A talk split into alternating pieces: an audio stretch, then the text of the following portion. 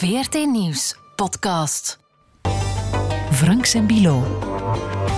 Met Rudy Franks en Vincent Bilo.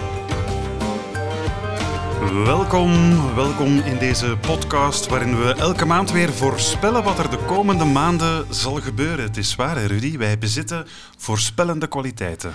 Dat noemen ze intelligentie, Vincent. Of althans de gasten die we hier uitnodigen. Absoluut, want ja, amper eh, enkele maanden geleden hebben we hier in deze podcast nog eh, Nathalie van Raamdonk te gast gehad, experte radicalisering, die ons kwam waarschuwen voor de opkomst van rechtsextremistische terreur. Weet je nog? Ja, en dat het ook aan onze deur zou beginnen. Ik denk dat we het daar volmondig mee eens kunnen zijn dat er zeker een, een dreiging vanuit die hoek komt ehm, die we tot denk ik Christchurch heel erg hebben genegeerd. Ehm, dat er effectief een probleem is van mensen die een bepaalde ideologie aanhangen, die daar ook echt tot actie toe zouden willen overgaan.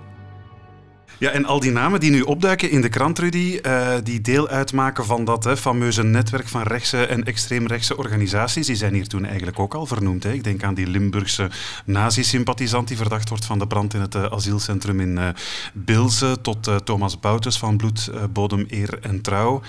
Dus ehm, Ja, Ja. het is een, het is een eh, select groepje, zeg maar. Hè. ja, Ja, inderdaad. toch, het blijft bangelijk. Ik denk dat we daar de komende jaren nog wel eens iets over doen. En dan is er natuurlijk ook die controversiële link met het Vlaams Belang, waar Jurgen Konings lid van zou zijn of geweest zijn.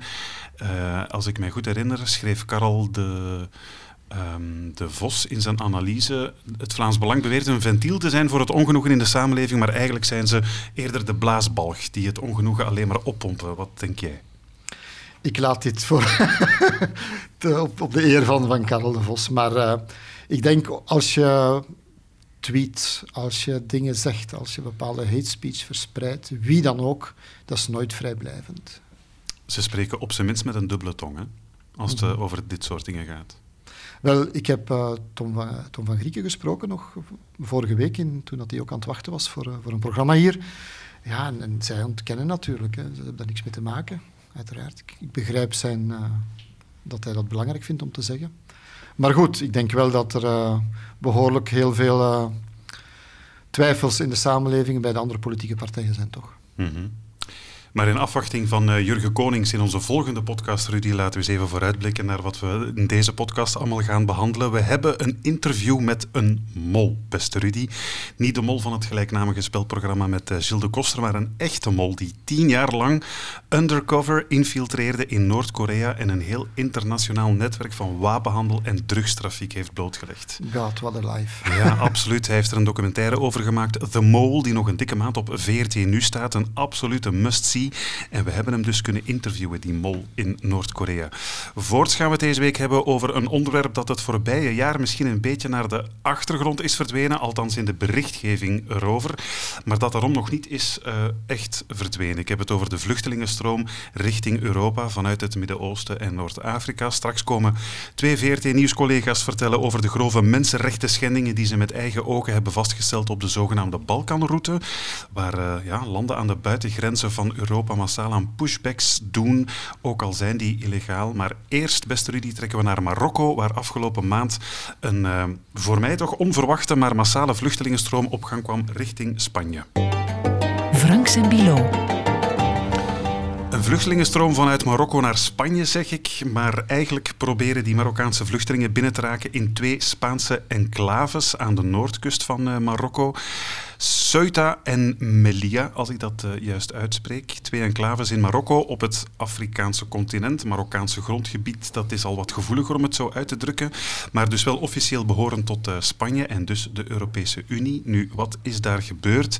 In Ceuta, een enclave van amper 85.000 inwoners, zijn op 16 mei in amper 24 uur tijd eigenlijk maar liefst 8000 Marokkaanse vluchtelingen aangekomen met eh, rubberbootjes nota bene. Een paar dagen later hebben nog eens een heel aantal eh, Marokkaanse vluchtelingen eh, Melilla proberen te bereiken, die andere Spaanse enclave. Dus met ook zo'n 85.000 inwoners, bijna even groot eigenlijk die enclaves. Bij ons twee reporters die ter plaatse en met hun eigen ogen zijn gaan onderzoeken wat daar precies speelt en waar die schijnbaar plotse invasie ehm, van die twee enclaves precies vandaan komt. Dag Yassine Attari. Hey. Jij bent net terug van Ceuta, zeg ik dat juist? Ja, Ceuta, Septa zeggen we in het Arabisch. Septa, we zullen Septa zeggen. Uh, de enclave die dus verreweg de meeste vluchtelingen te slikken uh, kreeg. Je maakt er uh, reportages over voor onder meer het journaal en de sociale media van de VRT. En ook heel erg welkom Arno van Rensbergen. Hey. Jij bent als een van de nomaden een documentaire gaan draaien in Melilla. Uh, die later dit najaar wordt uitgezonden op Canvas? Klopt. Oké. Okay. En vooral om te beklemtonen, hij had het uh, gevoel al op voorhand om er te zijn. Hè? Ja, ja inderdaad. Eens, want jij bent eigenlijk in tempore non suspecto naar ja. uh, Melia getrokken toen je nog niet wist wat daar eigenlijk zat aan te dus komen. Dus we zijn voorspellend toch een beetje. Hè? Alweer. Ah. Alweer. Arno en Yassine, evidente eerste vraag misschien, maar...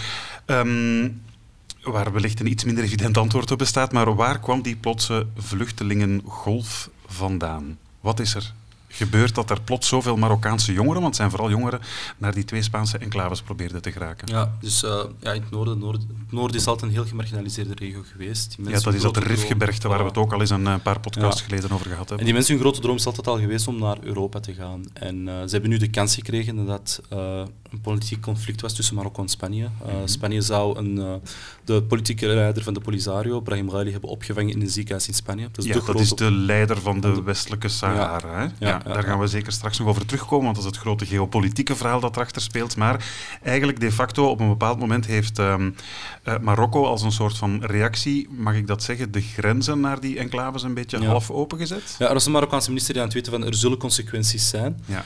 En wat ik heb gehoord van de migranten die dan zijn overgestoken, ze zeiden van ja, er zijn uh, ambtenaars rondgegaan in de wijken, in de school, om te zeggen van ja, de grenzen zijn open. En bij aankomst aan de grenzen waren de Marokkaanse grenswachters letterlijk aan het zeggen van ja, ga maar, ga maar, ga maar. En er zijn volgens mij ook wel beelden van dat je echt ziet dat die Marokkaanse grenswachters die grenzen echt open zetten. En voor de andere kant, voor Spanje, was het letterlijk een overrompeling. Mensen ja. kwamen van over heel Marokko, zelfs vanuit Rabat, Casablanca, dat ze het nieuws hebben gehoord van de grenzen zijn open. We hebben er speciaal vier uur voor gereisd om toch die grens te kunnen oversteken. Mensen die het zelfs totaal niet hadden gepland. Mm -hmm. Dus die vluchtelingen, of die migranten, migranten moeten we zeggen eigenlijk, zijn gebruikt als een soort van chantage of pasmunt ja.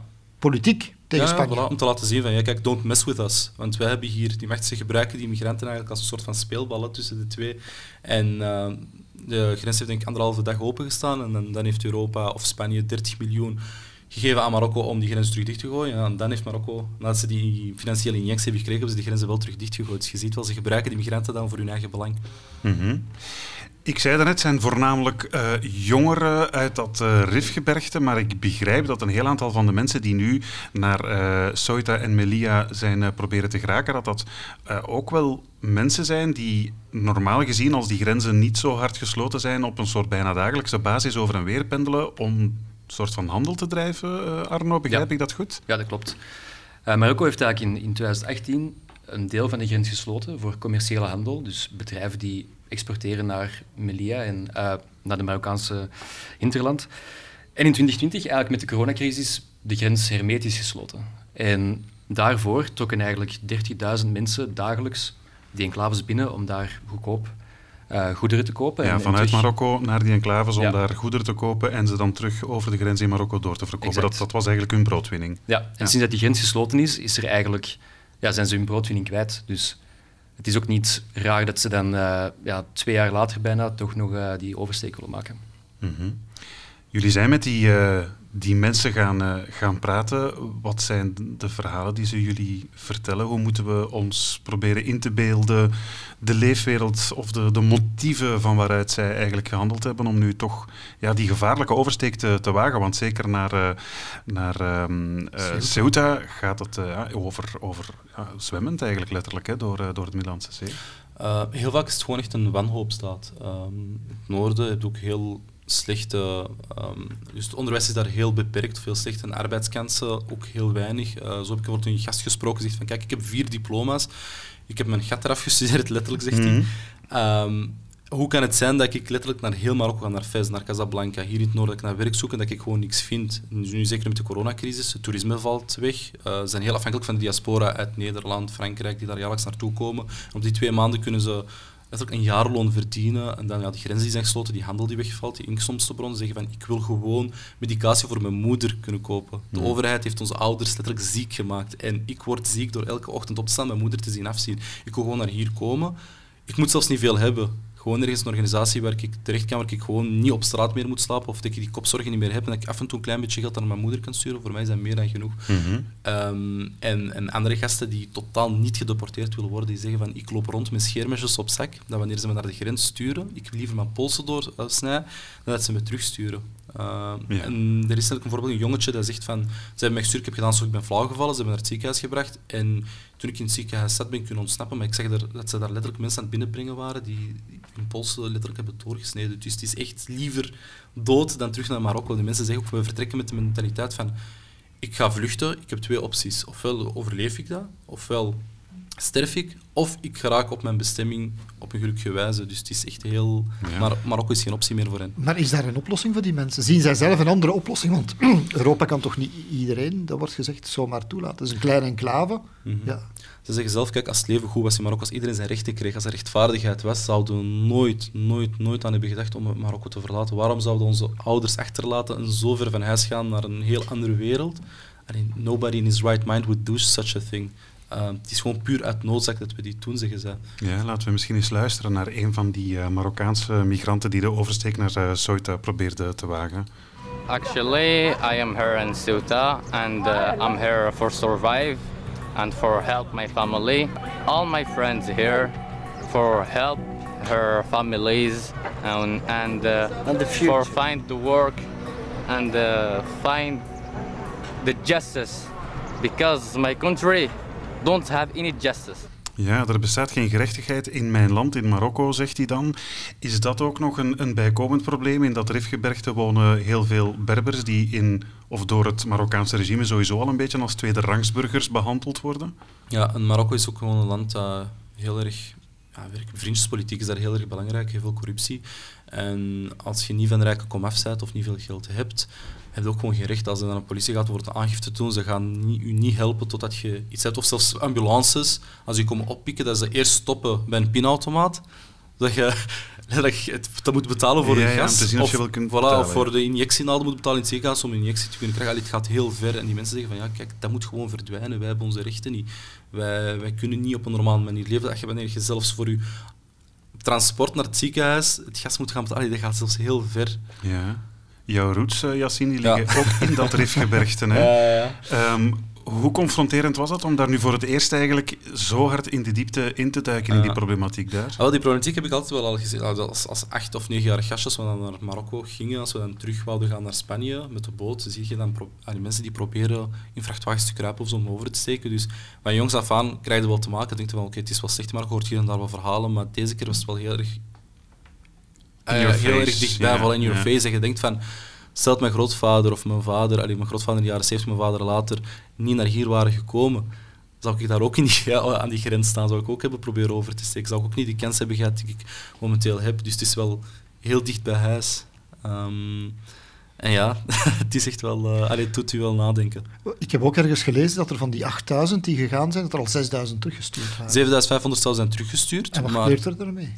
Ah, wel, ja, die worden teruggestuurd. Marokko, die... ja, er is ook gisteren gezegd geweest dat Marokko nu de deur ook opengooit voor de minderjarigen. De minderjarigen zal normaal niet teruggestuurd mogen worden, maar ik heb wel verhalen gehoord van dat het wel gebeurt. Er weten ook heel veel minderjarigen niet naar die opvangcentra durven gaan. Maar het grootste deel zijn zijn teruggestuurd, maar de inwoners zelf zeggen dat die cijfers ook totaal niet kloppen. Ehm, dat er veel meer zijn toegekomen dan de officiële cijfers zouden zeggen. En dat Dus er veel minder dan die zijn 8000 teruggestuurd. plus, ja. Overal waar je nu rondloopt in Ceuta, straten zitten vol, de bossen zitten vol, mensen die in rioolbuis slapen. Het is echt een overrompeling.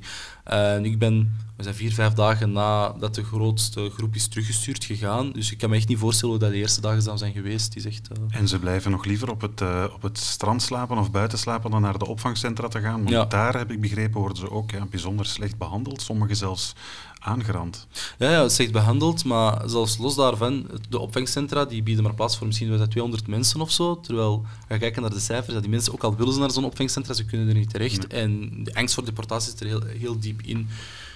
Dus, eh, en verhalen van, allee, die verhalen van, van, van, van slechte behandeling in de opvangcentra en zo, ja, die mensen die hebben gewoon heel veel vragen. Ze weten niet, allee, ze komen daar aan, ze hebben oké, wat zegt het nieuws, worden we nu teruggestuurd, kunnen we verder, krijgen we asiel? Dus is het allemaal een groot vraagteken. Ze zijn hals over kop vertrokken zonder te weten wat hen te wachten staat. Ja.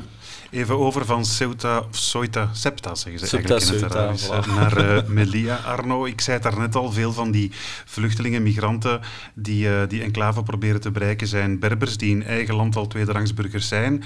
Maar de uh, Marokkaanse bevolking in die enclaves en met name bijvoorbeeld Melilla heb jij ontdekt die worden daar eigenlijk ook al als tweederangsburgers beschouwd. Hè? Ja, objectief is, is Melilla een, heel mooie stad. Als je aankomt, mooie modernistische uh, gebouwen, een mooi fort, heel Spaans, cocktailbars, um, ja, beachvolleybal.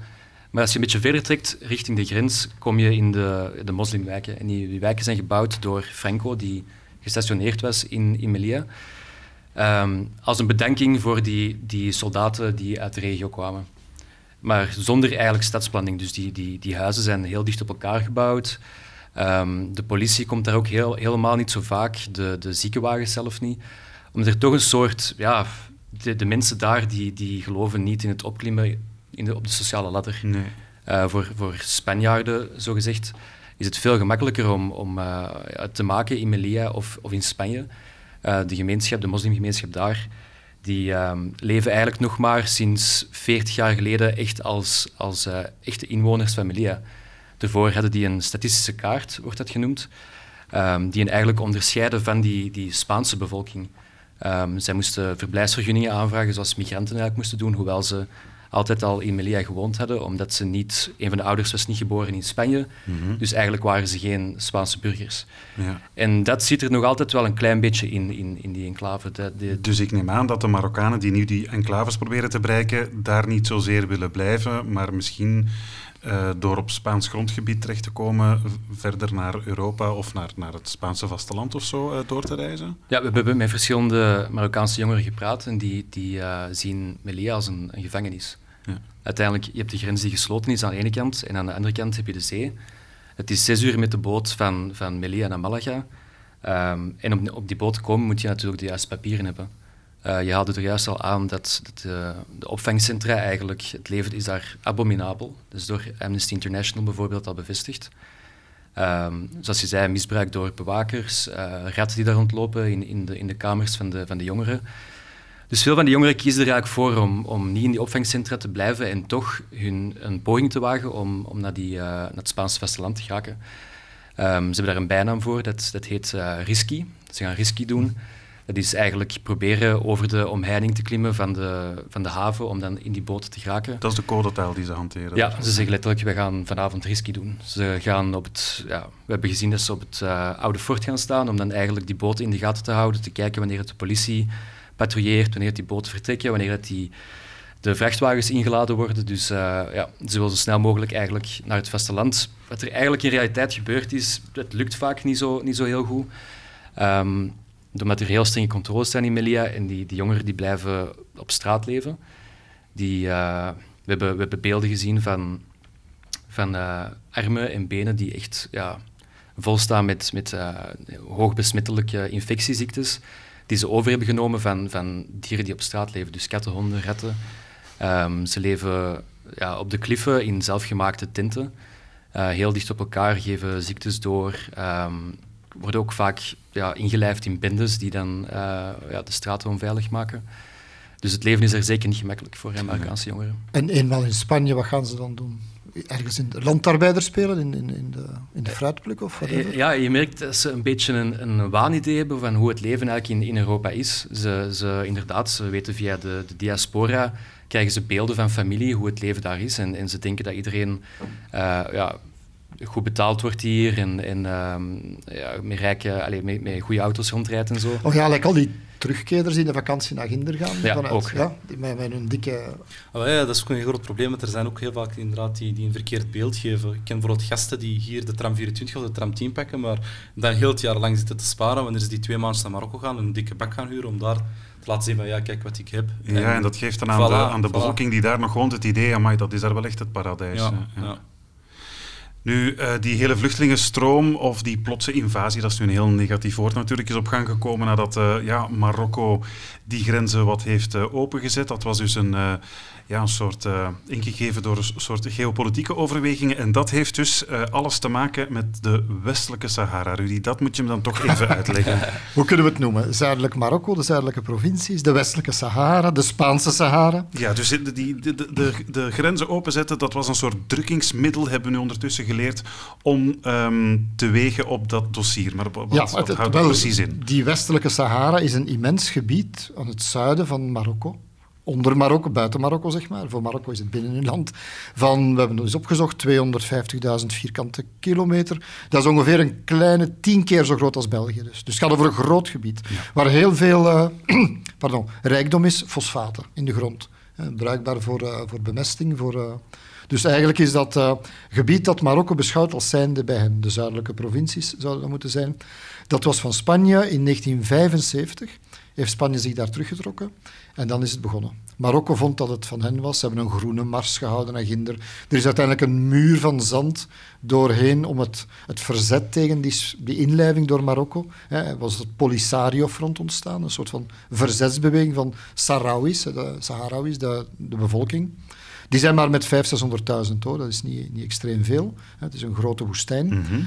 En ja, dat Polisario vecht dan tegen het Spaanse leger. Er is een muur gebouwd. Er zijn, worden kolonisten naar Marokkanen naar Ginder gestuurd om het land in te palmen. Te Soms zegt men dat dit zo wat de laatste koloniale onderneming in Afrika is.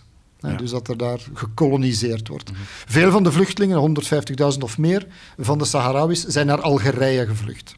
Ja, zitten daar in een soort van kampen. Vandaar Algerije steunt het Polisario, zeggen ze. Dus je krijgt er ook een regionaal conflict. Mhm. Mm -hmm. Wat maakt dit nu geopolitiek belangrijk?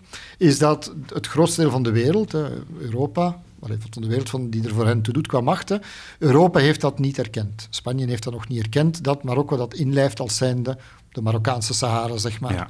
Dus dat wordt niet erkend.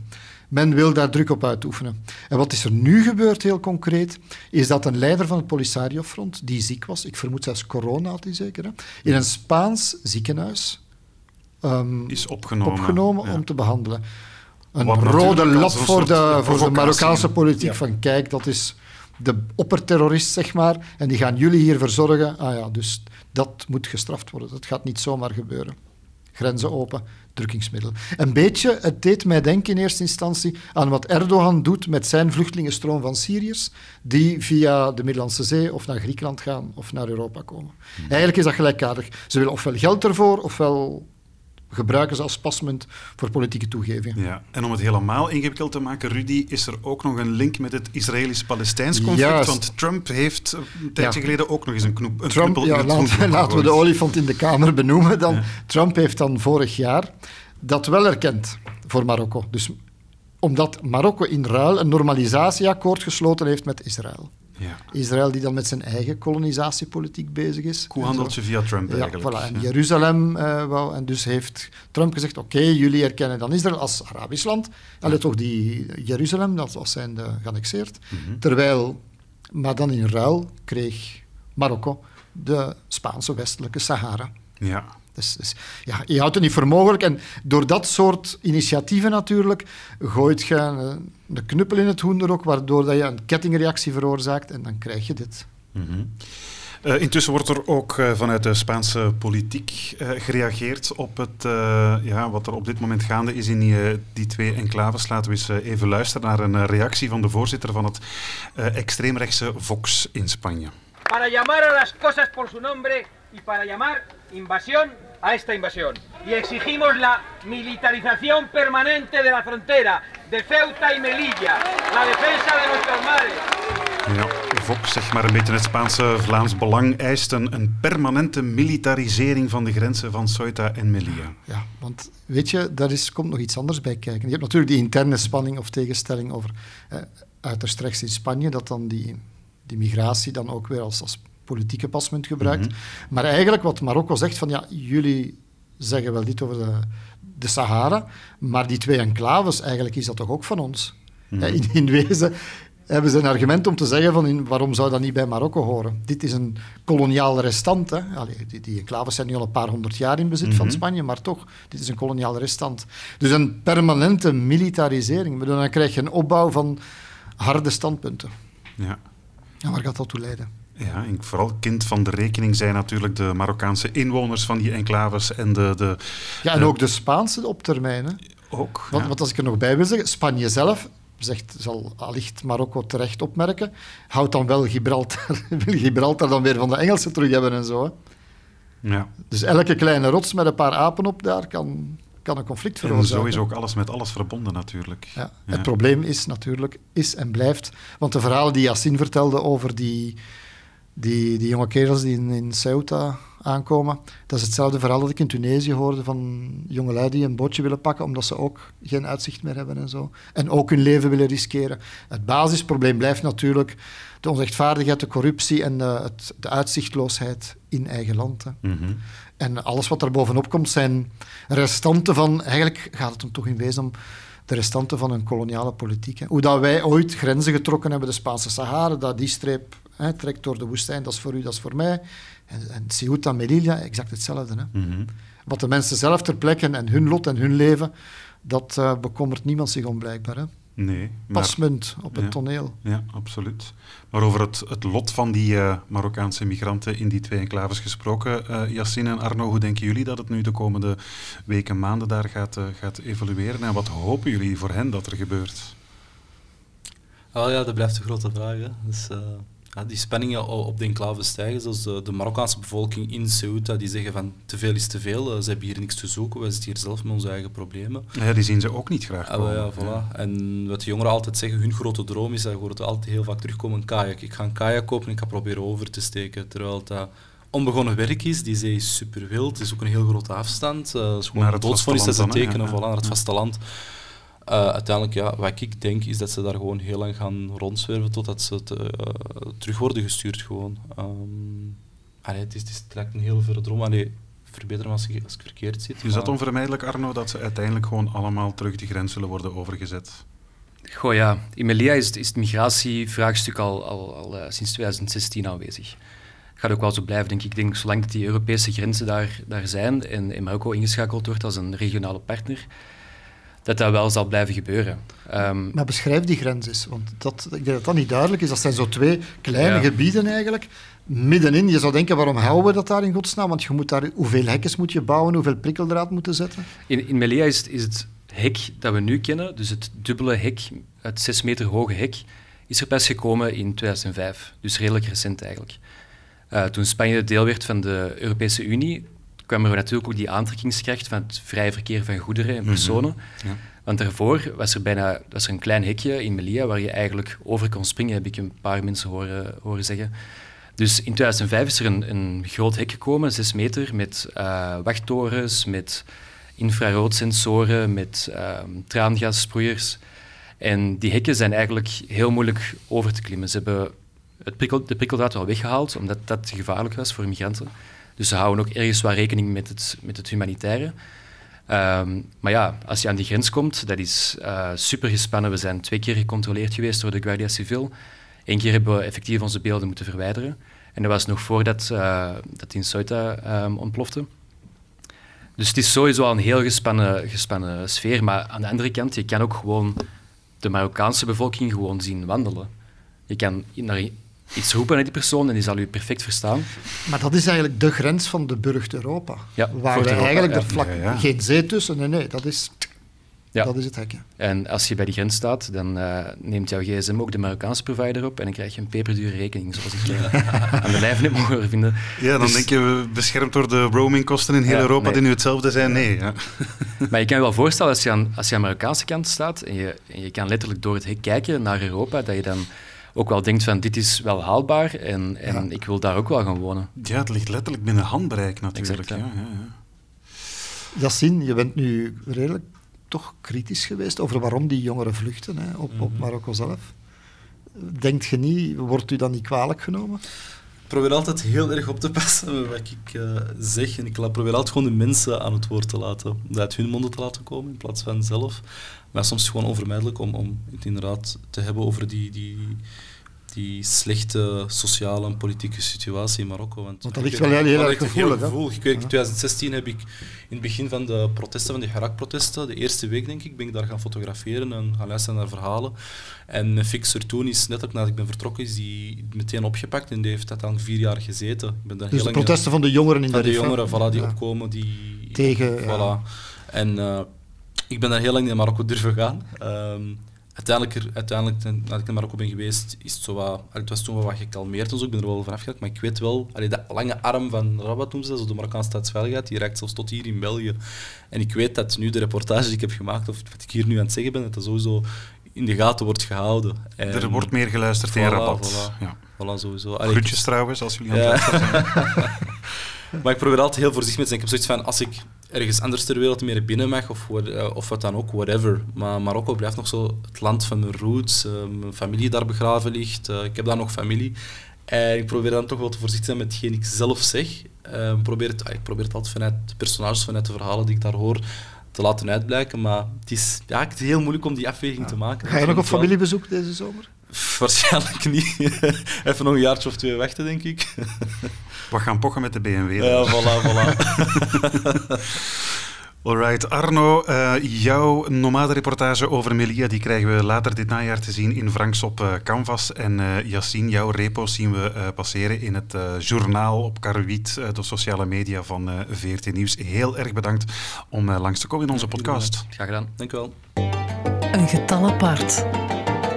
Ons getal apart deze maand is 10. Meer bepaald tien jaar. Want zo lang is een Deense undercover reporter geïnfiltreerd in Noord-Korea en het Noord-Koreaanse regime om met een verborgen camera vast te leggen hoe Noord-Korea een internationaal netwerk onderhoudt op immense schaal om aan illegale wapenhandel en drugstrafiek te doen. Ben je al een klein beetje geteased, beste Rudy? Absoluut. Hoe kan je nu als, als Deen undercover gaan in Noord-Korea. Wel, allemaal klein en geel waren. Raffe is, hij heeft dat dus allemaal gefilmd. Tien jaar lang stiekem voor de documentaire The Mole. The Mole dus. Niet te verwarren met het gelijknamige spelprogramma hier bij ons. Maar The Mole, dat is wel even andere koek. Het is denk ik wel het sterkste staaltje onderzoeks- of undercover-journalistiek dat ik ooit gezien heb, Rudy. Het is uh, eindelijk te bekijken op VRT Nu. En ik zou langs deze weg iedereen willen aanraden om dat te doen, want ik heb echt met open mond, met stijgende verbazing naar die documentaire gekeken en onderweg is mijn broek ook nog een paar keer afgezakt. Maar is het dan wel waar? Ja... Dat is intussen toch wel door veel bronnen bevestigd. Het is uiteindelijk ook geproduced door uh, de BBC en er worden nu ook al vragen over gesteld uh, in, uh, op het niveau van de Europese Unie. Dus het is wel degelijk echt allemaal echt, hoe hallucinant het ook is. Want dus die, die Deense mol heeft zich ja, als een mol ingegraven in Noord-Korea, maar heeft dus ook ja, gefilmd hoe die internationale wapenhandel van Noord-Korea eigenlijk werkt met vertakkingen tot in Syrië, Libanon, Oeganda. En hij brengt zelfs in beeld hoe sommige van de allerhoogste functionarissen in die landen zich gewoon schaamteloos laten omkopen. Staat allemaal gewoon op beeld. En, en, hoe kan dat dan? Je kan toch niet als een cameraploeg daar binnen gaan? Of? Wel, um, om, te, om te beginnen moet je weten dat die Mol, die Deense uh, undercover reporter, eigenlijk een kok is. Een, werkloos, een, werkloze kok. Dat verklaart alles. Ja. Ulrich uh, ja, Larsen, want iedereen in Denemarken heet Larsen met zijn familienaam. Ulrich Larsen um, was tien jaar geleden dus gewoon een werkloze kok in Kopenhagen toen hij een Deense documentaire zag over Noord-Korea. En de maker van die documentaire was na de release van die film uiteraard niet meer welkom in Noord-Korea, was persona non grata. Dus wat heeft die Deense kok gedaan? Die is naar de journalist gestapt en heeft gezegd, wel kijk, als jij Noord-Korea niet meer binnen kan, dan zal ik het in jouw plaats doen. En dus wat heeft die uh, Ulrich Larsen gedaan? Die heeft zich in eerste instantie gewoon aangesloten bij de Korean Friendship Organization of Association. Ja, ja. Dat is een soort uh, Deens clubje van Noord-Korea-sympathisanten die zo af en toe wat samenkomen. Hij heeft een, een kookboek Noord-Koreaans. Ver, ja, veredelde heemkundige kring of zo, ja. die gewoon wat ja, het communisme aanhangen. Maar dus gaandeweg heeft hij zich in die organisatie uh, weten ja, uh, op te klimmen tot bij de grote baas van de internationale Korean uh, Friendship Organization wereldwijd, een Spanjaard. En daar begint het. Dan zijn we dus al drie jaar verder. Heeft hij eigenlijk nog niks onthuld, maar is al drie jaar geïnfiltreerd in die, in die organization. En dan komt hij erachter dat die Spanjaard, een zekere Alejandro, dat dat toch een klein beetje de internationale stroomman is eigenlijk van Noord-Korea. Waar langs Noord-Korea probeert inderdaad schimmige zaakjes te doen en netwerken op te zetten enzovoort. En hij, hij weet dus het vertrouwen van die Alejandro uh, te winnen. En op een bepaald moment um, ja, zegt die Alejandro gewoon letterlijk wat hij doet voor de Noord-Koreanen. I have contacts up to our Marshal Kim Jong-un. So if necessary, I can report directly to the maximum authority to our great leader Kim Jong-un in the country. We are under very, very heavy sanctions, as you may know, from the United Nations, especially as forced by the United States. So we have a parallel uh, way to do things. Een parallele manier noemt hij, hij klinkt, het. Mag ik even tussen? Ja? Hij klinkt echt als Martinez, de trainer van de Rode Duivels. Het is waar nu je het zegt, is nu je het zegt, inderdaad. Maar het is dus Alejandro, de, de, de stroomman van Kim Jong-un. Want hij, hij, zegt het eigenlijk uh, zelf, hè, dat hij een rechtstreekse lijn heeft met uh, Kim Jong-un om handeltjes op te zetten in het, uh, in het buitenland. En wat doet die mol nu? Hij introduceert aan die Alejandro een zakenman die bereid is om zaken te doen met Noord-Korea, maar in werkelijkheid dus eigenlijk ook een undercover acteur is. En dan uh, krijgen we deze scène te zien. You said you had uh, some things you needed to move as well. Yeah, yeah, yeah. So, for example, all items to the East country, the destination is Syria. Mm. Ja, je verstaat dat natuurlijk niet heel erg goed, want het is met, het is, het is met uh, verborgen opnameapparatuur. Maar inderdaad, die uh, ja, leveren dus wapens aan Syrië en zoeken daar dan wat tussenpersonen voor. Zo, zo werkt het dus gewoon allemaal. Het is echt waar ongelooflijk om dat ook allemaal in beeld te zien. Want dus op een bepaald moment wordt, wordt die mol en ondertussen zijn handlanger, die zogezegde zakenman, uitgenodigd in Pyongyang om het te hebben over die uh, wapenleveringen en zo. En op een bepaald moment komen ze dus gewoon in een, in een soort bunker terecht, waar ze rechtstreeks de chef van defensie van Noord-Korea aan, aan tafel krijgen, die hen gewoon een catalogus overhandigt met alle wapens die ze in Noord-Korea produceren, met de prijs er gewoon naast. Dus gewoon een prijscatalogus van de wapens die Noord-Korea in de aanbieding heeft. Dat is zeer professioneel. Daar komen er ook nog wat danseressen en uh, wat, wat, wat karaoke ja, bij. Ja, maar zo gaat, dat, zo zo gaat dat dan. Ik, ga, ik, wil nog niet alles verklappen wat je in de mol allemaal te zien krijgt. Je moet hem vooral zelf bekijken op 14 uur, maar echt, je gaat je ogen niet geloven. Voor wie dat allemaal ongeloofwaardig zou vinden, beste Rudy, het is nu misschien wel voor het eerst gefilmd met verborgen camera, maar er zijn al veel aanwijzingen geweest in het verleden dat Noord-Korea op grote schaal aan illegale wapenhandel doet. Hè. Dat, is geen geheim, dat is een publiek geheim. Hè. Ja, ja, niet alleen dat. Ze hebben zelf proberen uh, atoomwapens te, te, maken en te produceren. Dus vandaar het embargo. Ze zijn ook afgesloten en zichzelf. Maar ook, er is in 2016 bijvoorbeeld, is er een cargoschip met 30.000 RPG-raketten. Dus waarschijnlijk een van de items in jouw... In die catalogus. tegenhouden in het, uh, aan het Suezkanaal. Die waren bestemd voor het Egyptisch leger. zo zijn er nog wel een aantal dingen. Ook in het, het Syrisch-programma. Er zijn het hele chemische wapenprogramma van Syrië. Als, bedoel, als er ergens een loesje zaak op de wereld is, wordt eigenlijk de naam Noord-Korea valt vroeg of laat. Hè. Dus ja. nucleaire wapens, Iran misschien, maar zeker dus chemische wapens in Syrië. Dus ja, inderdaad, ja, het is onze favoriete schurkenstaat, zeg maar. Hè. Ja, ja, en ook de favoriete schurkenstaat dus van die uh, Ulrich Larsen. En weet je wat, beste Rudy? Ik heb die kunnen interviewen. De man die tien jaar ondergedoken heeft geleefd, undercover in, uh, in uh, Noord-Korea. En dus eigenlijk in alle uithoeken van de wereld mee schimmige zaakjes is gaan doen voor de Noord-Koreanen. Zullen we eens luisteren naar zijn motivatie om dat te doen, om tien jaar van zijn leven, ja, eigenlijk zijn leven op het spel te zetten. Want als je dat ziet, je denkt echt iedere keer, maar god jongen, je gaat, je gaat echt zelfs gewoon gepakt worden en je gaat hier gewoon gefusilleerd worden. Hij heeft daar een, een hele goede reden voor, heeft hij mij uh, verteld. Oh, it's, it's a long story, um, but I'll try and make it short and brief for you. Um, when I was a kid, I grew up in the south of Denmark, um, where we had the ferries to Germany, both to West Germany and East Germany. My dad was working on those ferries. Um, sometimes he goes to uh, West Germany, and other times he goes to East Germany. When I go to the West, it was like you know, go down to the police officers, have a coke or some chips, or you know, whatever, and having fun with them. I spoke German from I was a small kid, um, and going to East Germany, it was a completely different world because I was told not to speak with the um, with the police officers or the passport officers because they were dangerous um, communists. Um, and as a kid, you don't understand how things work out. Um, but I learned to know some an East German family um, and visit the DDR. And North Korea and South Korea is quite similar. They were split up because of a war, and one side of it was communist, and the other one was well, let's just call it a capitalist country. Um, and then slowly I start to, you know, just want to find out what how Danish people could support a regime like North Korea. Blijft absurd. Hij herkent dus in Noord-Korea een beetje het uh, Oost-Duitsland dat hij zich herinnert Ja, van, van zijn jeugd, waar hij vroeger veel uh, geweest is. En er zijn natuurlijk wel parallellen, natuurlijk. Hè. De Stasi en het Noord-Koreaanse regime Ja, hebben wel wat gemeen, denk ik. eh. Ja, maar toch, toch de, de illusie dat je, daar, en dat je daar ook jaren in investeert. Het moet een fascinerende docu zijn. Nu mag ik iets kleins verklappen. Ja. Ik, ik ben ooit al ook eh, aangeboden geweest om wapens te verschepen. Ah, bon? Ook in zo'n zo'n vreemd land in Zuid-Soedan. Ik was daar en ik werd dan uitgenodigd bij figuren die mij zeiden, ja, je moet met ons komen eten. Ja, dan gaat dat dan.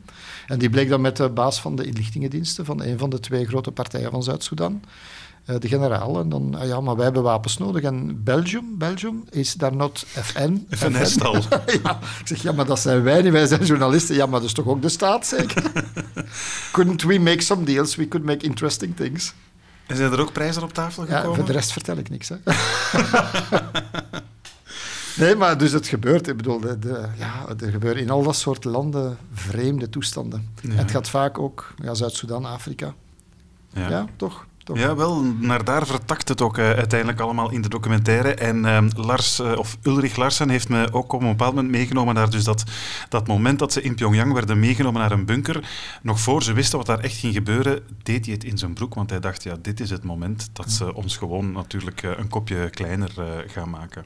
It just flipped over and we just go to this crazy basement in Pyongyang. Um, and, and, and at that point I was I was just I was actually when we started walking I was thinking of course of my family but I was also thinking uh, this might be it they we've blown our cover now or something but then we just came into this luxury room with karaoke um, drums uh, and the president from the arms factory is shown up um, agents, uh, people had, who has been doing businesses in Singapore came up and and they just start to you know questioning Mr. James a bit, and I was like you know when he was a bit under pressure, which he, he doesn't seem at all, uh, but I was ready to come in with a comment or something so he could you know restart his brain to, to figure out new thing, and we didn't expect it going that far, and when they asked for the um, company number name um, he just came up with that name and it was brilliant. Um, only problem is uh, we, we found out when we came back home a few months later, I was out shopping with my family and we were looking for some meat um, in the meat dish. And uh, Saga is the name of a Danish uh, company producing meat in Denmark. so, so but, but, but, you know, it just, they didn't ask any question. And, and of course, if you do businesses like we did or wanted to do, um, it's um, it's nothing you can go online to read about. It's it's darker than the dark net. Um, Dat is toch ongelooflijk. Dus die, die, die handlanger van, van de mol, die dan die zakenman speelt, die moet daar on the spot eigenlijk een bedrijfsnaam verzinnen. Zeg dan maar Tsaga. En dat wordt allemaal niet gebackgroundcheckt door de Noord-Koreanen. En, en dat heeft hij mij dan ook verteld. Hij denkt dat die Noord-Koreanen dus zo wanhopig zijn, zo geïsoleerd, zo economisch aan de grond, dat die elke strohalm vastpakken, elke mogelijke deal om wapenleveringen te kunnen doen. Dus gewoon met beide handen aangrijpen zonder eigenlijk nog de moeite te doen om te checken met wie ze eigenlijk te maken hebben. En heeft hij dan een zicht op wat er zich, hoe het in Noord-Korea zelf is? Want, want- Ja, ja, daarover werd hij eigenlijk heel emotioneel als ik, eh, als ik hem daarnaar vroeg. Hij, ja, hij zegt onder de indruk van, van hoe hij de Noord-Koreanen eigenlijk heeft leren kennen als mensen die in permanente angst leven, die op straat ook bijna niks tegen elkaar durven zeggen, omdat eh, the walls have ears, eh, zegt hij ook. Op elke hoek van de straat staat er vreselijk, mogelijk... vreselijk, Ja. vreselijk zijn. Ja. Ja. En ik heb hem dus ook gevraagd, nu hij dus die documentaire heeft afgewerkt en zijn, zijn cover dus echt blown is, nu natuurlijk ze in Noord-Korea weten wie hij echt is, of hij toch niet bang is voor vergelding. Well, um, they have not any uh, history by going for foreign people outside of North Korea. But, but of course, you can't be sure, and it only takes one person to, to take me down. Um, but of course, there's a lot of security around me when I go out to public speaking or doing a live TV show. Um, I need a man with me, let's just call him a bodyguard, uh, to, to care for me, and I'm and sometimes I'm in contact with the Danish intelligence service uh, to hear how the, the level of threatness is on my person. Um, and yeah, well, things in my home has been changed a lot uh, security-wise. Um, and but I was when we when we had the first meeting in in Oslo, I was quite aware that might going to be the future for me for some years or maybe for the rest of my life. I'm not sure. Um, but well, you can't it's it's this crazy quote to say you can uh, do an omelet without breaking an egg. Ja, je kan geen omelet maken zonder eieren te breken. Een dus, voor een kok uh, natuurlijk, maar Ja, dat ik mij nu een beetje blootstel aan mogelijke ja. vergelding vanuit Noord-Korea moet ik erbij nemen. Hij moet dus heel vaak met een bodyguard op stap. Uh, je staat in constante verbinding met de, de Deense intelligence services. En ja, helemaal veilig kan hij zich op dit moment natuurlijk... Ik moet een beetje denken aan Roberto Saviano toen dat hij over de Gomorra in Napels, ja. die ook sindsdien altijd... Ondergedoken leeft hij eigenlijk. Ja. Heel, heel dapper, heel dapper. Vertelde mij trouwens ook uh, doodleuk Ulrich Larsen, terwijl we aan het videochatten wa waren, dat ik mij niet veel illusies moest maken, dat de kans heel groot was dat de Koreanen of de Chinezen aan het meeluisteren waren. Ja. Dus er is ja, niet alleen meegeluisterd eh, naar deze podcast vanuit Rabat, zo. hebben we daar juist al ontdekt, maar dus ook vanuit Pyongyang. Ja, en ik wou net een visum aanvragen voor Noord-Korea. Beste Vincent, daar heb je het nu weer al verknoeid. Kim Jong-un, geef hem maar. Het is een sympathieke peer. Laat hem maar binnen, geen enkel probleem. I will show the other side. maar dus die uh, documentaire The Mole Undercover in North Korea, echt waar hij staat nog uh, één maand tot eind juni. Uh, tot de maand juni staat hij um, online op VRT Nu. Bekijk hem echt zeker. Je gaat niet teleurgesteld zijn. Je mens- en wereldbeeld zal duchtig aangetast zijn. Dat van mij toch een beetje. Maar het is onwaarschijnlijk om te zien. Dus ehm, Rudy, jij ook hè? Ik ga zeker kijken. En van Noord-Korea trekken we naar de Balkan. Franks en Bilo.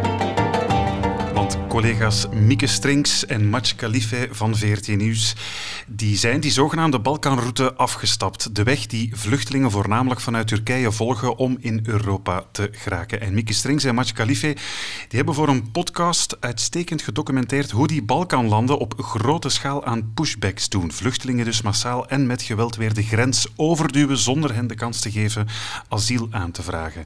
En het heeft er zelfs alle schijn van dat die Balkanlanden daarvoor samenwerken of daar toch afspraken over maken om die vluchtelingen dus toch maar buiten de Europese grenzen te houden. Dag Mieke Strings. Goedemiddag. En welkom Match Khalife. Hallo. Die zogenaamde Balkanroute die is al uh, enkele jaren bijzonder uh, populair, als we dat zo mogen uh, noemen. Wat is dat precies, die Balkanroute? Hoe moeten we ons die geografisch voorstellen? Wel, de mensen kennen die misschien vooral van die grote toestromen in 2015, hè, toen je over, vanuit Griekenland over uh, uh, ja, die Balkanroute tot in Hongarije, tot in Duitsland, over Oostenrijk soms ook, uh, een hele grote stroom mensen had.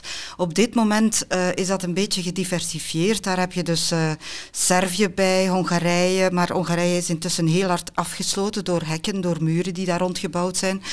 Bulgarije, Macedonië, Noord-Macedonië moet ik zeggen. Roemenië, uh, Montenegro, maar dus ook de plekken waar wij geweest zijn, dat is dan uh, Bosnië, Bosnië-Herzegovina, Kroatië, Slovenië en Italië. Dus tot in Italië, waar je dan de ingang tot West-Europa hebt, zal ik maar zeggen.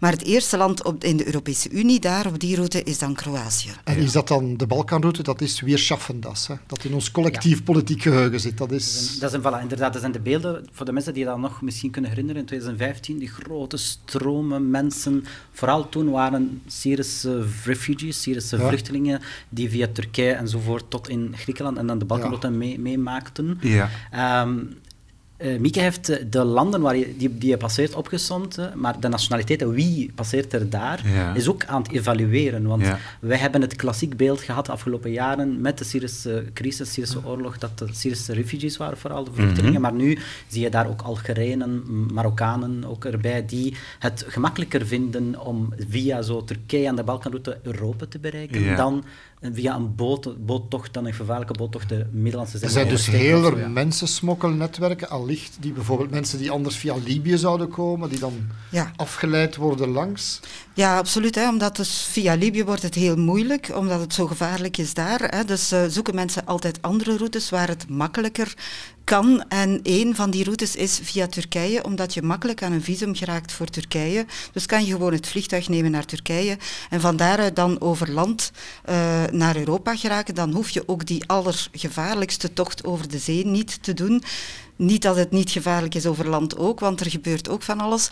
Maar ook bijvoorbeeld voor mensen die uit Iran, uit Afghanistan, uit Pakistan komen, uit Bangladesh. eh, die komen dan vaak over land helemaal tot in Europa, via Turkije ook en dan via die Balkanroute. Mag ik het oneerbiedig een soort van stroom van water noemen? Die zijn doorgang zoekt waar het mogelijk is. En ze zijn dan afgesloten aan, aan de Middellandse Zee met Libië meer. Of via Hongarije heeft dan die eerste grote stroom afgesneden. Ja, absoluut. absoluut hè. Er zijn ook overal hekken gebouwd op die grenzen. Dus de, de stroom is natuurlijk veel kleiner geworden dan in 2015. Toen je dus een miljoen mensen had op een jaar tijd die, daar, die langs daar gekomen zijn. Nu in het gebied waar wij geweest zijn, in het noorden van Bosnië, wat, wat dus een, een stukje grenst aan Kroatië. In Bosnië heb je ongeveer eh, sinds 2018 70.000 mensen gehad die daar zijn aangekomen.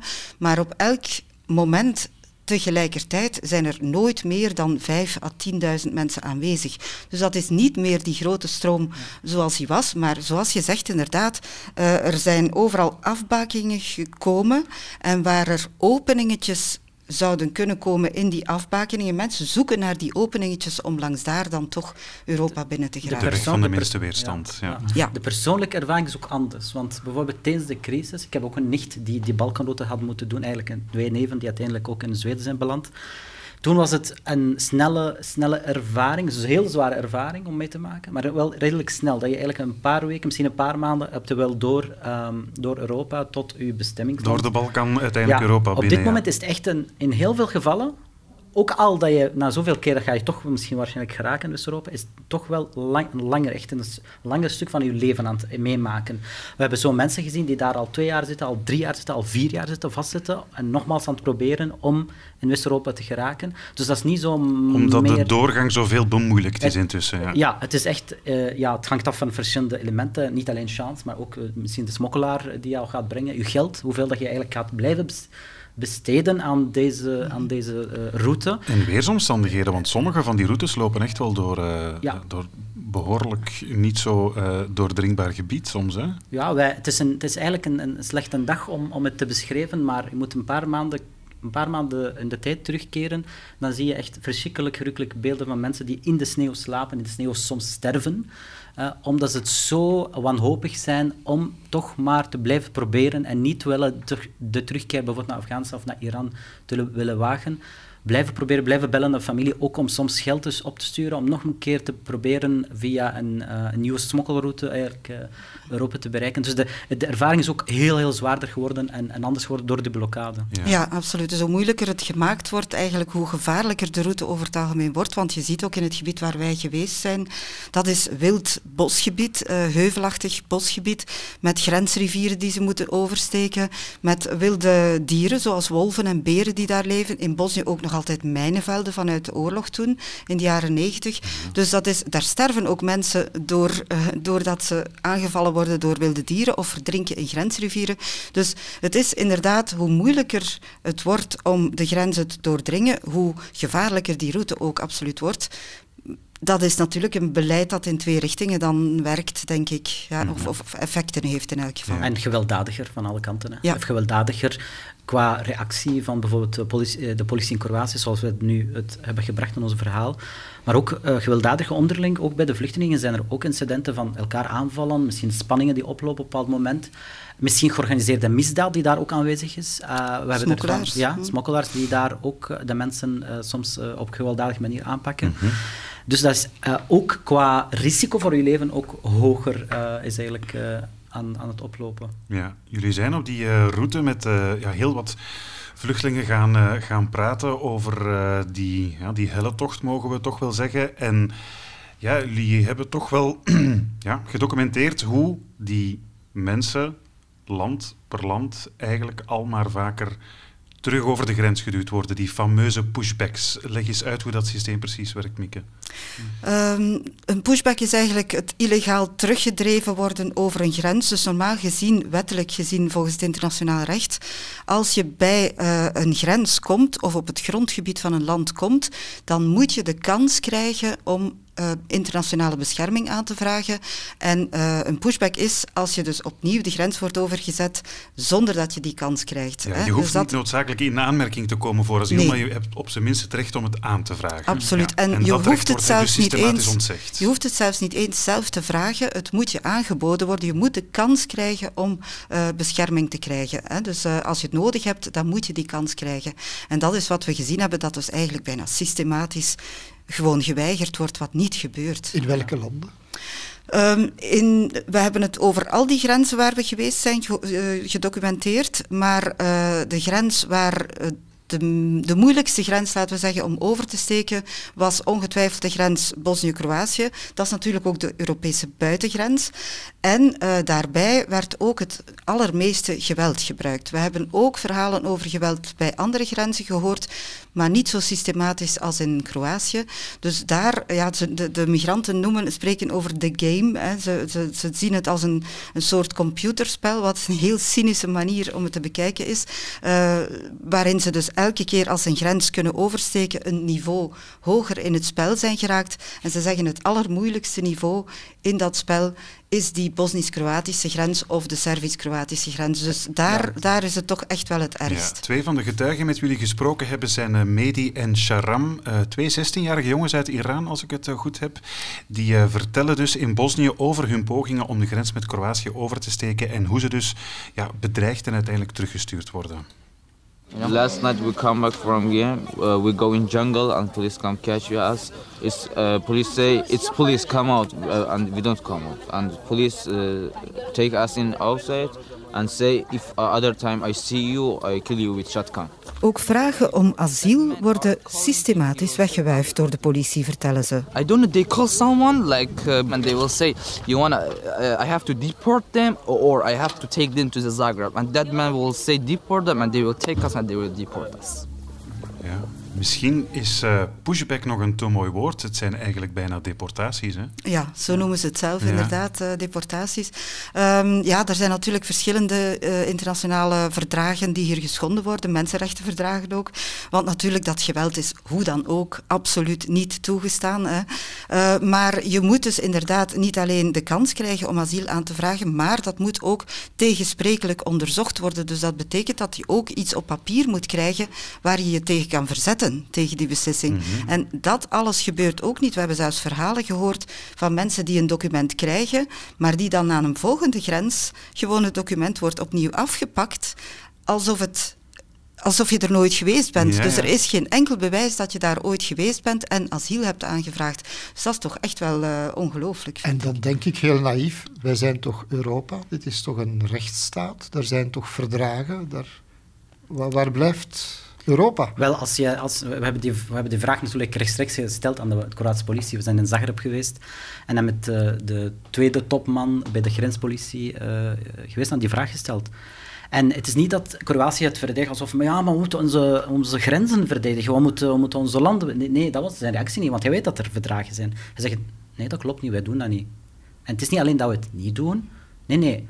Ze moeten zelfs niet zelf asiel aanvragen. Wij moeten het zelf aanvoelen wie bescherming nodig heeft. Dus het fragmentje is heel snel gepasseerd, maar eigenlijk, dat is het wanneer het, gebeurt. De kans om asiel te vragen is er. De mensen vragen het expliciet. En iemand aan de lijn beslist van, nee, stuur ze maar terug aan de grens, drop ze maar terug of dumpt ze maar terug aan de grens. Of als er iemand anders de chance heeft, dan wordt er beslist op die dag, op die moment door aan de lijn, door iemand, hij mag asiel aanvragen. Dus nog niet, nog niet bescherming, maar dat gaan we wel een keer onderzoeken. Maar, maar dus ik constateer gewoon, de bewijzen zijn er, jullie verzamelen de bewijzen en er wordt gewoon, het wordt ontkend, dus er wordt, iemand liegt. Iemand liegt, het is ofwel... Ja, het is, ja, het is A of het B, is niet, hè. het is niet, e- zo, zo is niet zo simpel als één, uh, dus hij zegt, zij, zij zegt of zo. Maar de Kroatische politie zegt, aan de andere kant, niet alleen de migranten, de vluchtelingen en de asielzoekers, maar ook alle uh, onafhankelijke organisaties, mensenrechtenorganisaties die op het terrein actief zijn, die dat letterlijk onderzoeken, die er eigenlijk geen baat bij hebben om, om een kant te kiezen. Ze moeten gewoon zien, is er een probleem of niet. Ze bevestigen dat in duizenden gevallen. De, de, de Bosnische politie, dus we zijn we bij hen ook gaan aankloppen. Hallo, politie in Bosnië, merken jullie daar iets van? Ja, zij hebben het ook geregistreerd. Mensen die terugkeren uit de grens, zonder bezittingen, hè, gsm afgepakt, schoenen afgepakt, geslagen. De mensen belanden in sommige gevallen in de ziekenhuizen, ze worden behandeld. Maar, maar Nieke, dan is de oplossing simpel. Hè? Ik bedoel, is het toch een Europees Hof voor Justitie en zo? Ja, ja, inderdaad, daar wil ik het net over hebben. Want er, het is natuurlijk heel moeilijk te bewijzen, omdat die documenten verdwijnen. Hè. Dus het is woord tegen woord. Hè. Dus migranten zeggen, dit is wat er met ons gebeurd is. Zij leggen ook die verklaring af bij de politie, bij die organisaties die die pushbacks documenteren. Uh, je kan dan, zoals sommige onderzoeksjournalistieke uh, collectieven doen, gaan onderzoeken van uh, waar is het precies gebeurd? Is daar een politiekantoor, uh, geolocatie, onderzoek en zo verder? Dat gebeurt allemaal. Maar je moet eigenlijk geval per geval individueel onderzoeken om echt bewijslast te vinden. En er loopt inderdaad op dit moment uh, voor het Europees Hof voor de Rechten van de Mens in Straatsburg een uh, zaak precies over die uh, Kroatische grens, over drie gevallen, drie onafhankelijk van elkaar, drie Syriërs die zeggen dat ze dus terug de grens overgezet zijn zonder dat ze kans kregen om asiel aan te vragen. Ik weet niet wanneer er precies een uitspraak te verwachten is in die zaak, maar dat zal een zeer belangrijk precedent zijn, denk ik voor wat er nog te gebeuren staat. Nu moet ik ook wel zeggen dat Europa uh, ermee bezig is. In die zin, het Europees Parlement heeft daar al vele vragen over gesteld. De Europese Ombudsdienst voert er een onderzoek naar. Ilva Johansson, de Europese commissaris die bevoegd is voor migratie, is al twee keer naar daar gegaan. Er wordt geld gegeven aan Kroatië om uh, een monitoringsysteem op te zetten. Ja, maar ja, dat, om, is, dan, dat is dan de stroper maar, of de boswachter. Voilà, je, moet natuurlijk, je moet natuurlijk een onafhankelijke uh, toezichthouder krijgen daar, wat de Kroatische ombudsdienst zou kunnen zijn, die al een zeer vernietigend rapport over de zaak heeft uh, geschreven, waarin trouwens ook politieagenten anoniem getuigen over uh, wat ze moeten doen in opdracht van hun overste. Uh, maar dat wordt gewoon door de Kroatische regering min of meer opzij geschoven. Dus ja, moet je dan ook Frontex, uh, dus het Europese grensagentschap, daarbij gaan plaatsen? Ja, Frontex mag alleen komen als de, de lidstaat daar zelf mee akkoord gaat. Dus daar zijn, daar zijn politieke gevoeligheden ja. die, mag die ik meespelen, uit, denk mag ik. ik even uitzoomen? Dan, je hebt dat, die situatie daar, dat is heel duidelijk en concreet gedocumenteerd door jullie nu. Maar je hebt dezelfde verhalen die ik al hoor opduiken over ja, de, wat dubbelzinnigheid wat op de Griekse eilanden betreft, wat de pushbacks Mhm. eventueel in de Middellandse Zee betreffen.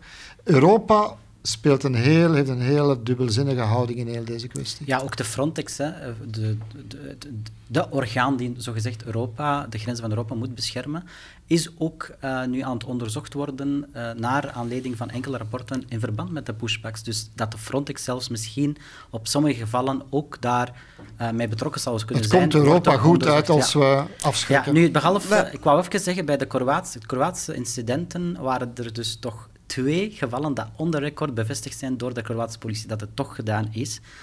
Maar niet omwille van eerlijkheid, maar omwille dat ze geen andere optie hadden. Het was een derde politieagent die de klacht heeft ingediend, die dat zelf heeft gezien. Uh -huh. En zei van, hij toevallig op het verkeerde moment daar aanwezig was. En die zei van, nee, dat klopt hier niet. En ze hebben het toegegeven, dat wordt nu op dit moment onderzocht. Maar de, de, de, de topman van de grenspolitie heeft gezegd, ja, dat, dat is eigenlijk wel gebeurd ene keer. Maar dat is een uitzondering. Ja. Ja, dat is een maar, maar de vraag blijft, wil Europa ja. hier wel iets aan doen? Eigenlijk? Voilà, dus daar zit je natuurlijk met een, met een inderdaad, een, ik weet niet of, of je Europa hier echt voor verantwoordelijk kan stellen, dat, dat, dat gaat misschien iets te ver.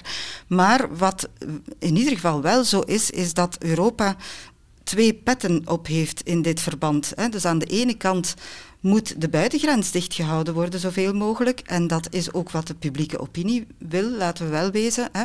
Maar aan de andere kant is Europa ook uh, een, een, een, een unie die toch hoog oploopt met de mensenrechten. En wij willen als Europese Unie toch uh, conform de mensenrechten ons gedragen. Hè. We, we, spreken daar ook andere landen op aan, denk ik. Dus die twee dingen zijn moeilijk te verenigen op dit vlak. Die komen hier eigenlijk in tegenspraak met elkaar. En daar zit Europa, denk ik, echt wel in, in een moeilijk parket. En ik denk dat het daarom belangrijk is om, zoals wij hebben gedaan, zoveel mogelijk daar de vinger op leggen, zoveel mogelijk dat in de media brengen, dat in, naar buiten brengen. We zijn natuurlijk niet de eerste die dat doen, maar uh, het is belangrijk om dat echt wel, om daar de vinger op te leggen en Europa daarmee te confronteren en te verplichten om te gaan kijken naar wat daar gebeurt en effectief de ogen openen, te openen daarvoor. Ik begrijp trouwens dat sommige politici er al naar gekeken en geluisterd hebben wat jullie gemaakt hebben. Wel, we hebben gisteren een reactie gevraagd natuurlijk aan uh, Sami Medi, onze bevoegde uh, staatssecretaris voor asiel en migratie. We hebben ook, ook, een reactie gevraagd aan de Europese commissaris Ilva Johansson. Um, ja, en zijn er politici die het opgepikt hebben? Uh, er is één uh, reactie geweest van Hilde Voutmans, die gezegd heeft, uh, dus van de Liberalen in het Europees Parlement, die zij wil samen met Guy Verhofstadt, zal zij een schriftelijke vraag aan de Europese Commissie stellen daarover. Maar ik moet zeggen dat, het, dat er vanuit de politiek eigenlijk heel dat het heel stil is gebleven, dat er heel weinig gereageerd is. En dat vind ik toch wel heel opvallend. Een beetje ongemakkelijk schuifelen op de stoel. Ja, toch, toch wel, het blijft, ja, ja het blijft een moeilijk... In, in moeilijk... Sommige, ja, ja, toch wel. En als je het vergelijkt met andere verhalen in, in, in het nabij verleden, was er wel vanuit de politieke kant wel meer reactie op, op, op zulke verhalen. En het is niet het is ook niet, het, is ook geen discussie uh, over van uh, iets dat wij ontwillen om bijvoorbeeld de borders of de, de grenzen open te doen, de refugees ontvangen. Daar gaat het niet om. We hebben het over een, um, ja, een criminele misdaad eigenlijk die gepaard is met de schending van een mensenrechten en schending mm -hmm. is van een Europese recht. Um, dus ja. het is van alle kanten aan, aan, aan het verknoeien en ik denk, en ik Allee, ik kan wel plaatsen in het hoofd van een politicus. Dat is een hete patat, dat moet je niet vastpakken als je niet weet wat je mee moet doen. Ja. En, dan, en dan, dan zitten ze echt vast, dan kunnen ze echt niet, niet reageren. Te meer om, zoals Tenzij, al aangaf, de publieke opinie ten, ten, in Europa natuurlijk ook eerder anti-migratie is. Hè? Tenzij dat je als politicus echt verandering aan kan brengen en niet zomaar debat voor de zoveelste jaar kan aanslepen. Maar ja, daar, daar gaat het om. hebben we nog altijd vertrouwen in, de, in, in, politici in Europa die dit echt kunnen aanpakken, die dit, van dit iets uh, rechtvaardig kunnen maken? En ik herhaal, we zitten hier niet om te zeggen van ja, laten we maar binnen, laten we maar binnen. Het is ook niet de migranten, de verlichting, daar gaat het niet om. Dat, wordt, dat moet onderzocht worden. Het gaat over een schending van een Europese recht in verband met asiel en migratie, dat mm -hmm. nu elke dag gebeurt, elke maand honderden keren, elk jaar duizenden keren. We hebben het over 20.000 gevallen van vorig jaar.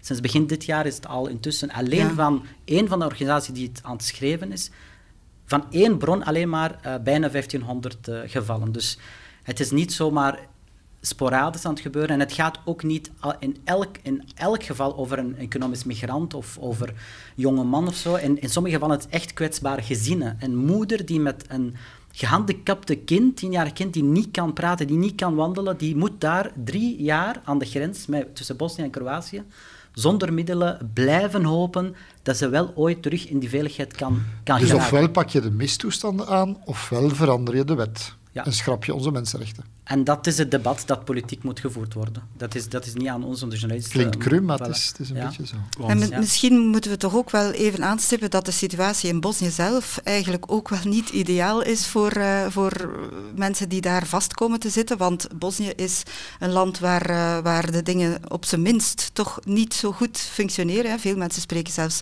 over een failed state. Hè. Uh, daar is te weinig opvangplaatsen voor die mensen. De asielprocedures zijn totaal ontoereikend. Dus het is ook niet zo dat je daar veilig kan afwachten tot je daar dan misschien asiel kan krijgen. Zo simpel is het ook niet. Maar hoe dan ook maakt het eigenlijk niet uit of het over vluchtelingen of mensen die die kans uh, zullen hebben om asiel te krijgen uh, gaat of niet. Het zijn mensenrechten die geschonden worden. En ik denk dat dat nog altijd iets moet zijn waar we verontwaardigd over moeten zijn. -hmm. Hebben jullie trouwens ook uh, aanwijzingen dat niet alleen die landen op die Balkanroute uh, afhankelijk van of onafhankelijk van elkaar aan pushbacks doen, maar dat, dat er misschien zelfs afspraken gemaakt worden tussen die verschillende landen van ja. duw ze telkens maar één grens ja, weer verder ja, tot ze er helemaal buiten staan? U, u, noemt de Balkanlanden, maar daar zit er in ons verhaal bijvoorbeeld Italië bij, bij een verhaal betrokken. Dus uh, dat kan niet anders, als je kijkt naar die verhalen, naar de getuigen, dat kan niet anders dat er wordt samengewerkt, of tenminste samen gecommuniceerd van wat we gaan nu doen met uh, Rudy, die probeert in West-Europa te geraken, opgepakt in de eerste dorp in Italië door de politie of door het leger aan de grens. Ja, wat gaan we mee doen? Overleveren aan de Sloveense politie. Overlevering, fysiek. Dus er is samenwerking. Mm -hmm. Documenten of niet, dat, dat moeten wij nog nagaan. Worden die ergens geregistreerd? Blijkt van niet. Vanuit Slovenië naar Kroatië hetzelfde verhaal. En dan is het aan Kroatië om die te dumpen aan, buiten de Europese grens aan, aan de Bosnische, in de Bosnische bossen. Dat, en dan, dat en dan maakt het toch letterlijk helemaal crimineel schreeuwen, eigenlijk. schreeuwen van... Nu, ga. Echt zo van shotten en met de, met de voeten. Nu, weg, weg van Europa. Eh, Letterlijk op deze manier echt fysiek dumpen buiten de Europese grenzen. En niet zomaar...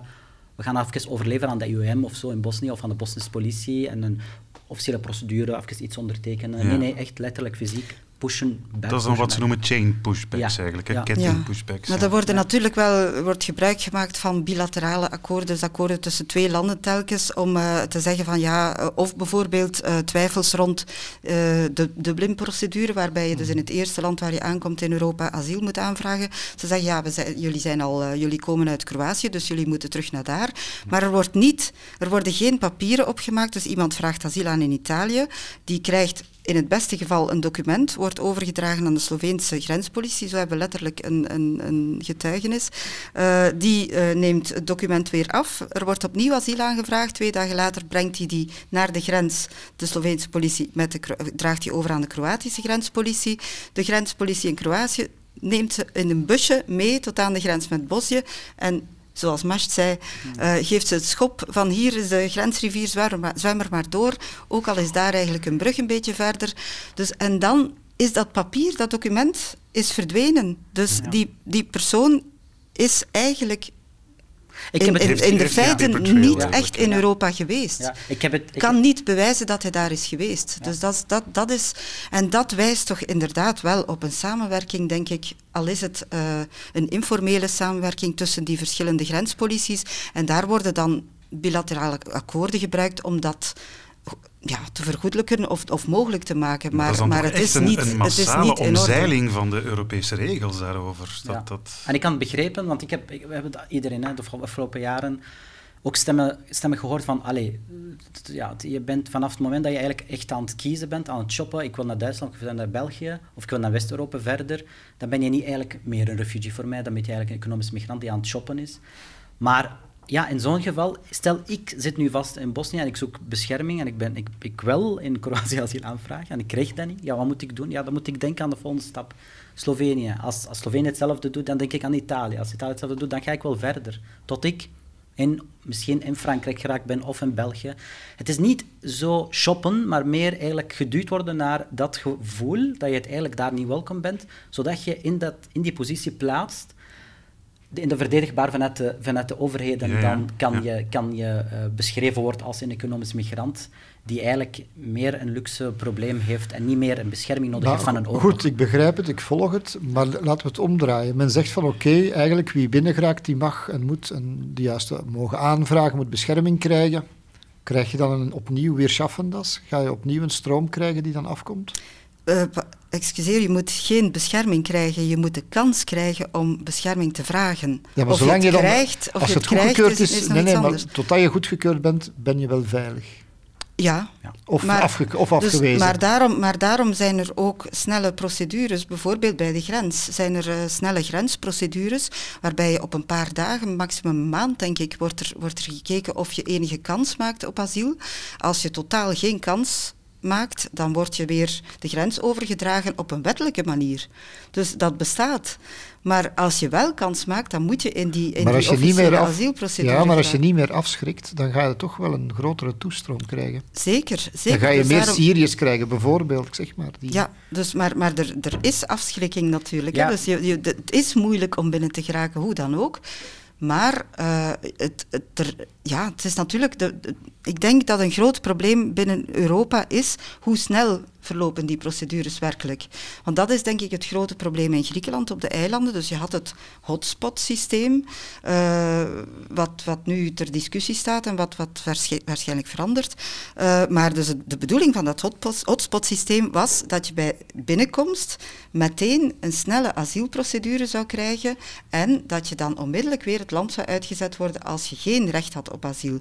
Dus zodanig dat mensen meteen al ontmoedigd werden van ja, en wie vanuit Turkije, dus Turkije dus die Turkije-deal is daarop ge- gemaakt eigenlijk, wie vanuit Turkije toch illegaal kwam, die werd meteen terug naar Turkije gebracht en kwam achteraan de rij te staan. Maar dat staat of valt met snelle procedures. En wat er in Griekenland gebeurt, is die procedures lopen zo langzaam dat mensen daar vijf jaar zitten te, te, te weg te kwijnen in die kampen, in die hotspots, dat ze natuurlijk En hoe komt dat het zo langzaam, vertrekken. hoe komt dat het zo langzaam gaat? Ja, en Rudy, hoe u- komt u- het, ja? U vraagt, u vraagt een, een terechte vraag, maar ehm, als antwoord, heel simpel antwoord op, niemand denkt, niet hier aan tafel of misschien in Brussel ergens, dat het Europees migratiesysteem werkt. Niemand denkt dat, denk ik. Alleen is het in ons verhaal dat stukje ehm, schending van, van een fundamentele mensenrechten op Europese bodem, binnen de Europese Unie, het verhaal op dit moment. Hoe dat je dat moet aanpakken, het systeem her, eh, her- herstructureren, herstructureren ehm, eh, oplossingen zoeken, dat is eigenlijk aan de politici. Niemand zegt hier, ja, laat ze maar komen. Of zelfs niet om iedereen moet een kans krijgen. Ja, natuurlijk, dat is wat de wet zegt. Maak er een andere wet en dan gaan we daarop als journalisten op werken. Ehm, maar dat je als, ehm, als, eh, als moeder die op zoek is naar, naar, naar gewone basisbescherming voor haar, voor haar kind, dat ze daar gedumpt is drie jaar, tot er een brand gebeurt, of tot er eigenlijk dertig doden vallen, en dan springt de media en de politici erop en dan iedereen begint maar erover te praten, ja, dan, dan, dan los je niks op. Dat is eigenlijk mijn antwoord op, op uw terechte vraag, die ik ook vaak hoor. Moeten ze allemaal binnen of wat? Nee, nee, daar gaat het niet om hier. Het gaat over Nee, maar mijn vraag is, als je mensenrechten meer gaat respecteren en dus de, ze die kans geeft om zich in te schrijven, ga je wat men vaak noemt het aanzuigeffect hebben. Hè? Of de, ja, daar gaat het over de gastvrij, gastvrije Ja. reactie. Maar dat is, dat is wat, de wet, wat de wet zegt, dat je eigenlijk elke mens die op de vlucht is en die zoekt naar bescherming, dat die de kans krijgt. Maak er een andere wet van en zeg van, ja, oké, sorry, maar volgens de wet moet je eigenlijk gedumpt zijn in de zee. Maar dat is de wet, daar kan ik niks aan doen. Dan kunnen we het debatteren opnieuw. Over de wet. Maar dat is de wet. En dat is de schending van de wet die op dit moment op Europese bodem ligt. Als wij nu gaan een masker aandoen in Brussel, dan krijg je 250 euro. Ik vind dat absurd. Hmm. Want allee, ik ben er nog altijd niet overtuigd dat je alleen in het park moet wandelen met een mondmasker. Maar als de wet is, als de politie komt en mij zeggen 250 euro volgens de wet, dan ja, is dat de wet. En dan is het wel aan, aan, aan ons om, om dat te, te debatteren en te vernieuwen en te restructureren. Maar Maar ik denk, ik denk ook, er is, er is geen oplossing voor dat migratievraagstuk. Hè. Dus dat, dat, dat is een werk van lange adem, en die, dat verfijnd moet worden, heel dat systeem, heel dat beheer van die migratie.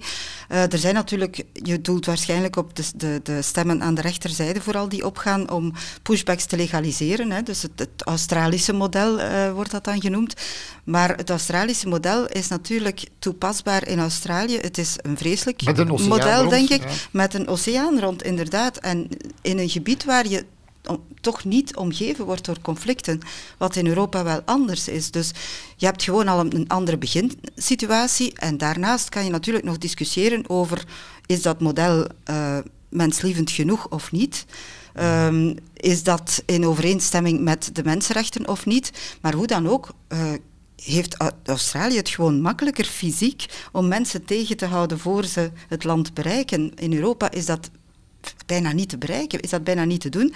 Plus dat je natuurlijk ook in de omgeving veilige havens moet creëren waar mensen dan wel kunnen wachten tot ze asiel krijgen, hoe die procedures dan verlopen en zo verder. En tot nu toe is er geen enkel land bereid om al die mensen op te nemen. Dus we moeten natuurlijk ook iets haalbaars eh, vinden. Maar ik heb geen oplossing. Ik denk alleen, de oplossing kan toch niet zijn, we schoppen ze gewoon de grens over en we schoppen ze bont en blauw en we houden ze onder schot. Eén kleine vraag daarover. Het stilzwijgen in de politiek, zowel links als rechts? Absoluut, ja. ik vind van wel ook, ja. ja.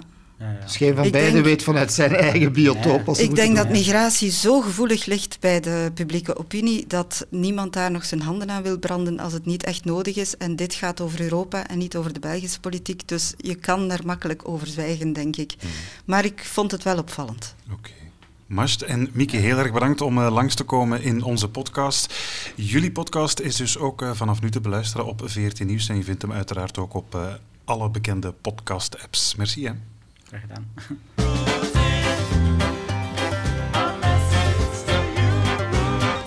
Deze maand leg ik onze gevierde oorlogsreporter A Message to Rudy voor van luisteraar Danny Merks. Beste Rudy, schrijft Danny, je hebt grote delen van de wereld bezocht in goede en kwade tijden en je hebt dus ook verschillende culturen en steden leren kennen.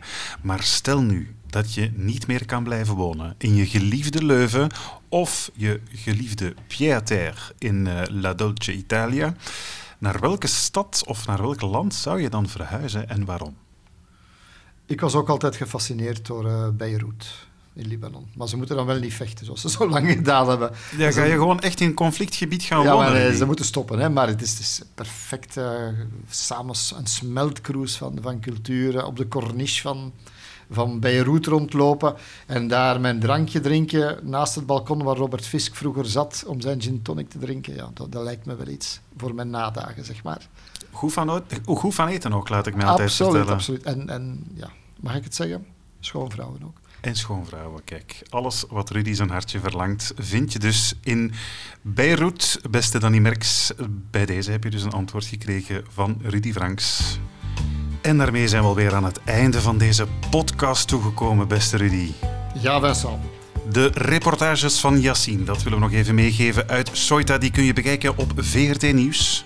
En de docu De Mol kan je ook nog bekijken, maar dan wel op VRT Nu, tot eind van de maand. Zeker doen. De podcast van Mieke en Mash, die kan je beluisteren op VRT Nieuws. En we zullen ook alle links naar die repos en podcasts ook nog eens in onze Franks en Bilo Facebook groep zetten. Ja, en over die Facebook gesproken, je kan er je mening geven over onze show, liefst een goede, meepraten over de actualiteit of zelf onderwerpen aandragen. Zeker ook doen. Af en toe zullen we daar posts doen met kijktips of leestips en ik heb er denk ik wel eentje. Ik ga het nog niet verklappen. Maar je kan niet alleen luisteren, je kan ons ook bekijken en Vincent zijn geboetseerde hoofd mee op vakantie pakken. Hè? Op 14 Nieuws namelijk. Net als het karakterhoofd van Rudy, zal ik het zo uitleggen. Uh, vind je onze show goed? Geef ons dan zeker een uh, review in uh, je podcast. Dat helpt andere luisteraars om deze fantastische podcast Franks en Bilo te ontdekken. Vragen, opmerkingen of verbeteringen of een message to ja, mezelf. Je vindt ons via vb.vrt.be. Dan moeten we gewoon nog onze gasten bedanken, beste Rudy. En dat zijn Arno van Rensbergen, Yassine Attari, Mast Khalife en Mieke Strings voor hun komst naar onze podcast. En dan de research. Manon Gooivaerts, Goran... Goran... Goran... Verluiten, Loubna Galgali en Gaia Kibous. Eindredactie alweer in handen van de onnavolgbare Vincent Merks. En de presentatie. Wij waren... Franks. En Bilo. Wij hebben even vakantie, Rudy. Het is te zeggen, vooral jij. Jij gaat uh, je wijnranken verzorgen en wat uh, olie persen. Ja, hard labeur, hard labeur. Maar ik zal een flesje meebrengen. Ach, ik uh, had op niks minder gehoopt. Tot na de zomer, iedereen. Ciao, ciao. Dit was een podcast van VRT Nieuws. Je vindt er meer op de podcastpagina van vrtnieuws.be of via de podcast-app op je smartphone.